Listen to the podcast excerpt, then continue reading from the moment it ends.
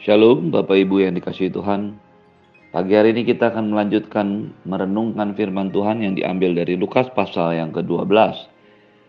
Ayat 1 sampai dengan ke-12. Pengajaran khusus bagi murid-muridnya. Sementara itu beribu-ribu orang banyak telah berkerumun sehingga mereka berdesak-desakan. Lalu Yesus mulai mengajar Pertama-tama kepada murid-muridnya, katanya waspadalah terhadap ragi yaitu kemunafikan orang Farisi. Tidak ada sesuatu pun yang tertutup yang tidak akan dibuka dan tidak ada sesuatu pun yang tersembunyi yang tidak akan diketahui. Karena itu, apa yang kamu katakan dalam gelap akan kedengaran dalam terang. Dan apa yang kamu bisikan ke telinga di dalam kamar akan diberitakan dari atas atap rumah. Aku berkata kepadamu, hai sahabat-sahabatku, janganlah kamu takut terhadap mereka yang dapat membunuh tubuh, dan kemudian tidak dapat berbuat apa-apa lagi. Aku akan menunjukkan kepada kamu siapakah yang harus kamu takuti. Takutilah dia yang setelah membunuh, mempunyai kuasa untuk melemparkan orang ke dalam neraka. Sesungguhnya aku berkata kepadamu, takutilah dia. Bukankah burung pipit dijual lima ekor dua duit? Sungguh pun demikian tidak seekor pun daripadanya yang dilupakan Allah. Bahkan rambut kepalamu pun terhitung semuanya. Karena itu, jangan takut, karena kamu lebih berharga daripada burung-burung pipit. Aku berkata kepadamu setiap orang yang mengakui aku di depan manusia, anak manusia akan mengakui dia di depan malaikat-malaikat Allah. Tapi barang siapa menyangkal aku di depan manusia, ia akan diangkat, dia akan disangkal di depan malaikat-malaikat Allah. Setiap orang yang mengatakan sesuatu melawan anak manusia, ia akan diampuni. Tapi barang siapa menghujat roh kudus, ia tidak akan diampuni. Apabila orang menghadapkan kamu kepada majelis-majelis atau kepada pemerintah-pemerintah dan penguasa-penguasa, janganlah kamu khawatir bagaimana dan apa yang harus kamu katakan untuk membela dirimu. Sebab pada waktu itu juga Roh Kudus akan mengajar kamu apa yang harus kamu katakan. Bapak Ibu yang dikasih Tuhan, ini adalah bagian kedua dari penjelasan tentang perikop yang sama Kemarin kita sudah belajar di dalam ayat yang pertama sampai dengan yang keempat. Bagaimana Tuhan Yesus memberikan sebuah pengajaran khusus ini kepada murid-muridnya. Untuk mewaspadai, berjaga-jaga terhadap ragi, yaitu kemunafikan orang Farisi. Pada bagian yang kedua dari perikop yang sama ini, kita akan merenungkan ayat yang keempat sampai dengan ayat ke-12 di situ dikatakan, Aku berkata kepadamu sahabat-sahabatku, jangan kamu takut terhadap mereka yang dapat membunuh tubuh tapi kemudian tidak dapat berbuat apa lagi. Aku akan menunjukkan kepada kamu siapakah yang harus kamu takuti. Takutilah dia yang setelah membunuh, mempunyai kuasa untuk melemparkan orang ke dalam neraka. Sesungguhnya aku berkata kepadamu, takutilah dia. Kita juga sudah belajar kemarin bagaimana di dalam hubungan kita mengikut Tuhan, kita mengenal Tuhan dalam pengenalan yang sempurna tentang Tuhan. Yang pertama tentu saja Allah adalah Allah yang penuh dengan kasih karunia, kemurahan, dan pengampunan dosa. Dia adalah Allah yang memahami betul setiap kelemahan manusia. Ketidakberdayaan manusia untuk menyelamatkan dirinya untuk merubah dirinya, untuk menerima pengampunan dosa, membuat Tuhan mengutus anaknya yang tunggal Tuhan Yesus untuk menjadi manusia dan akhirnya mati disalibkan sebagai pengganti dosa-dosa kesalahan manusia. Dia yang tidak bersalah dibuat menjadi bersalah untuk mengampuni Anda dan saya. Itu adalah gambaran daripada Allah yang penuh dengan kasih, Allah yang penuh dengan anugerah, Allah yang mempunyai kemurahan dan kasih karunia yang berlimpah. Tetapi di sisi yang lain, kita juga harus memahami bahwa Allah yang kita sembah adalah Allah yang perlu untuk ditakuti, dihormati. Penghormatan kita akan Tuhan, ketundukan kita akan Tuhan, tidak boleh membuat kita takut dalam artian menghindari Tuhan. Sebaliknya, Pengertian pengenalan kita akan kemurahan kasih karunia Tuhan tidaklah boleh membiarkan Anda dan saya menjadi pribadi yang tidak takut sama sekali kepada Tuhan. Tidak ada penghormatan sedikit pun kepada Tuhan. Bagaimana ini bisa terjadi? Karena kita berpikir bahwa dosa kita sudah diampuni sekali dan untuk selama-lamanya. Kebenaran ini adalah sebuah kebenaran yang betul-betul harus dimengerti dengan iman dan pengertian yang benar. Ketika ada orang berkata sekali selamat tentang selamat, tentu saja ini adalah hal yang benar. Tetapi ketika ada firman Tuhan yang mengajarkan kepada kita bahwa keselamatan itu bisa hilang, maka ini juga sebenarnya merupakan sebuah sikap atau kebenaran yang benar. Keselamatan bisa hilang. Dan sekali selamat tetap selamat merupakan dua kebenaran yang tidak boleh dipisahkan satu sama lain. Pengertian kita tentang Tuhan yang penuh dengan kasih karunia, anugerah dan kebaikan dan kemurahan tidak boleh mengabaikan bahwa kita harus tetap menghormati, tunduk, dan takut akan Tuhan. Ketika kedua hal ini berjalan bersama-sama, kita akan mengenal Tuhan dengan benar dan utuh. Ini yang dimaksudkan oleh Tuhan Yesus, jangan takut terhadap manusia yang dapat membunuh tubuh, tetapi tidak berkuasa apa pun setelahnya. Tapi takutlah akan Tuhan yang setelah membunuh tubuh dapat melemparkan orang-orang yang berdosa ke neraka. Ketika kita menyadari betul bahwa Allah yang kita sembah adalah Allah yang perlu untuk tetap ditakuti. Allah yang harus dihormati dan kita harus tunduk kepadanya. Maka kita tidak akan pernah menomorduakan Tuhan atau menggantinya dengan apa pun yang ada dalam dunia ini. Mengapa hari-hari ini ada banyak orang yang begitu mudahnya menukar iman, keselamatan dengan hal-hal yang lain yang dapat binasa di dunia ini, dengan harta, dengan kedudukan, dengan pasangan hidup atau dengan apa pun. Tuhan ditukar. Mungkin mereka berpikir dengan mudahnya Tuhan akan memberikan pengampunan dan kasih karunia. Pengenalan akan Tuhan yang salah inilah yang membuat kita menjadi salah dalam bersikap dan dalam hidup kita sehari-hari. Kita harus tetap takut dan hormat kepada Tuhan karena Dia berkuasa sepenuhnya atas hidup kita. Karena Dia bisa melemparkan setiap orang yang bersalah yang berdosa untuk masuk ke dalam neraka. Ketakutan kita kepada orang-orang yang dapat membunuh tubuh kita adalah sebuah ketakutan yang secara alamiah wajar, tetapi ingatlah, takut akan Tuhan di atas takut akan manusia atau takut akan apa pun yang ada dalam dunia ini. Bukankah burung pipit dijual lima ekor dua duit? Sungguh pun demikian tidak seekor pun daripada yang dilupakan Allah. Harga burung pipit sebenarnya dua ekor satu duit. Tetapi kalau membeli dua ekor mendapatkan lima ekor, hal ini menunjukkan betapa kurang berharganya burung pipit. Sehingga dia bisa dijadikan satu bonus ketika membeli dengan dua duit.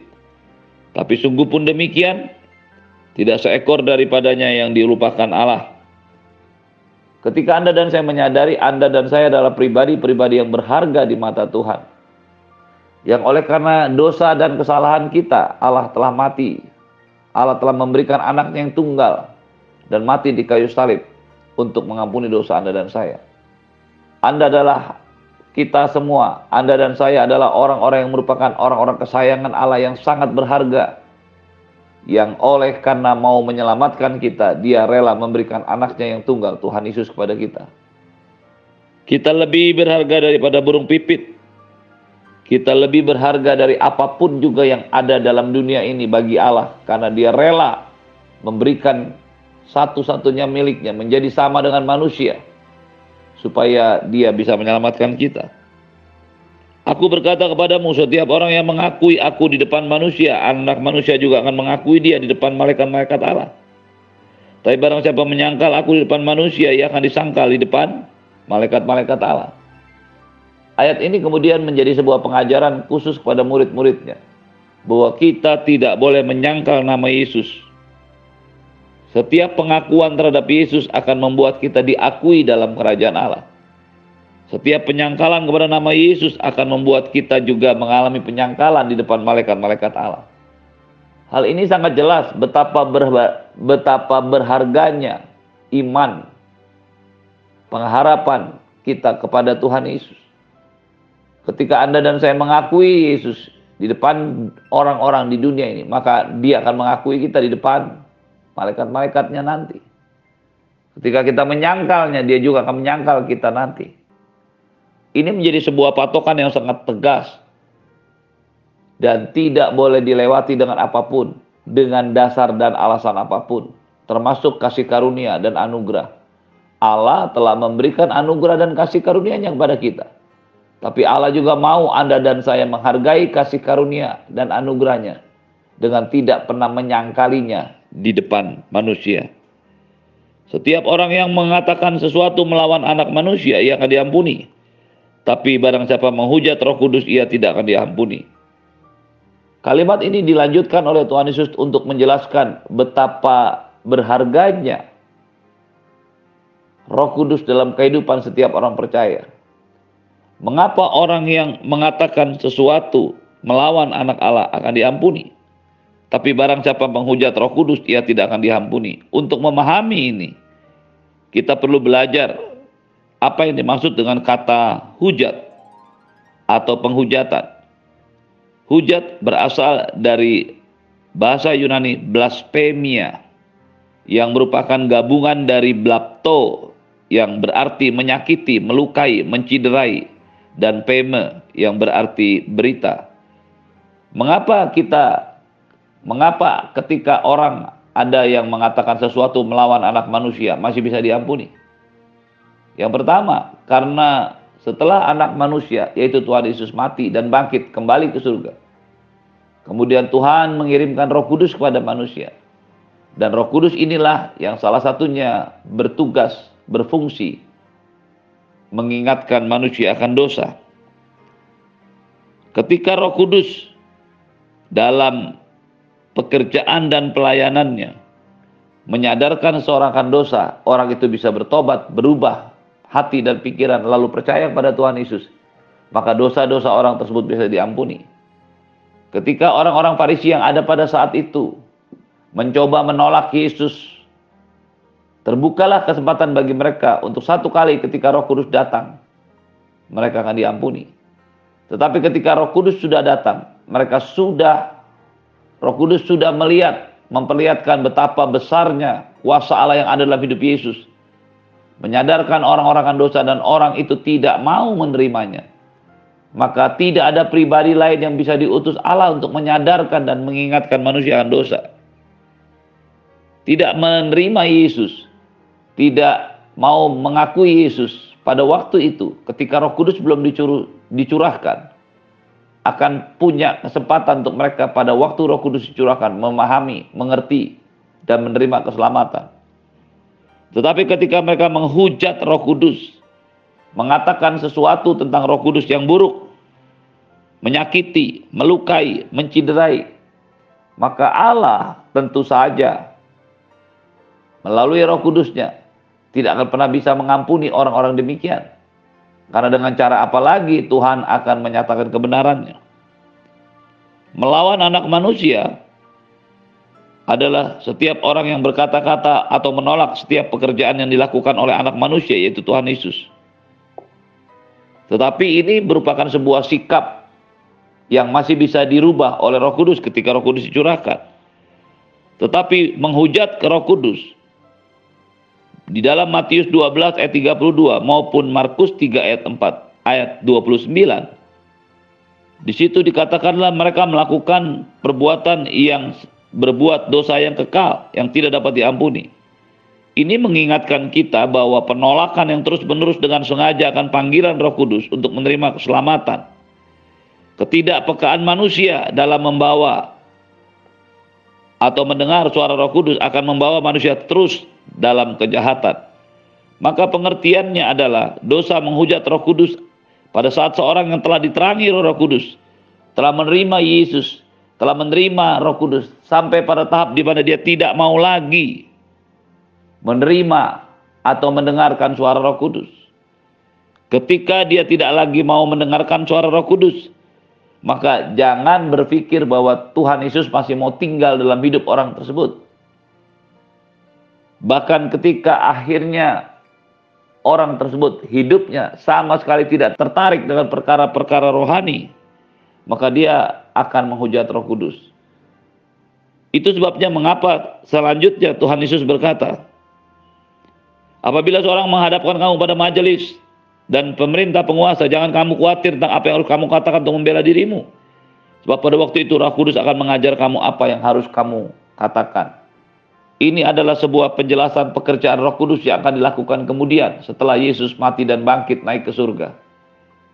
Jadi menghujat Roh Kudus tidak akan pernah diampuni karena menghujat Roh Kudus berarti menghujat, menolak, mengatakan yang buruk tentang kebenaran, keselamatan yang didapatkan melalui Tuhan Yesus. Menghujat Roh Kudus berarti tidak mendengar, tidak peka, tidak mau lagi turut apa yang Roh Kudus katakan. Dan ketika hidup Anda, hidup seseorang tidak lagi mendengarkan suara Roh Kudus, dia mendengarkan dirinya sendiri, maka seharusnya yang menjadi Tuhan dalam dirinya bukanlah Yesus lagi, tapi dirinya. Orang-orang demikianlah yang disebut dengan menghujat roh kudus dan tidak akan pernah diampuni. Karena itu pastikan Anda dan saya selalu berjalan dalam kebenaran. Selalu mengingat kasih karunia anugerah dan keselamatan Tuhan. Dan tetap mengingat bahwa Allah yang Anda dan saya sembah adalah Allah yang perlu ditakuti. Allah yang perlu kita tunduk dan ikuti dalam hidup kita sehari-hari. Terimalah berkat yang berlimpah dari Bapa di surga, cinta kasih dari Tuhan Yesus, penyertaan yang sempurna dari Roh Kudus. Menyertai hidupmu hari ini dan sampai selama-lamanya. Di dalam nama Tuhan Yesus, semua yang percaya katakan, amin. Shalom, selamat pagi, selamat beraktivitas.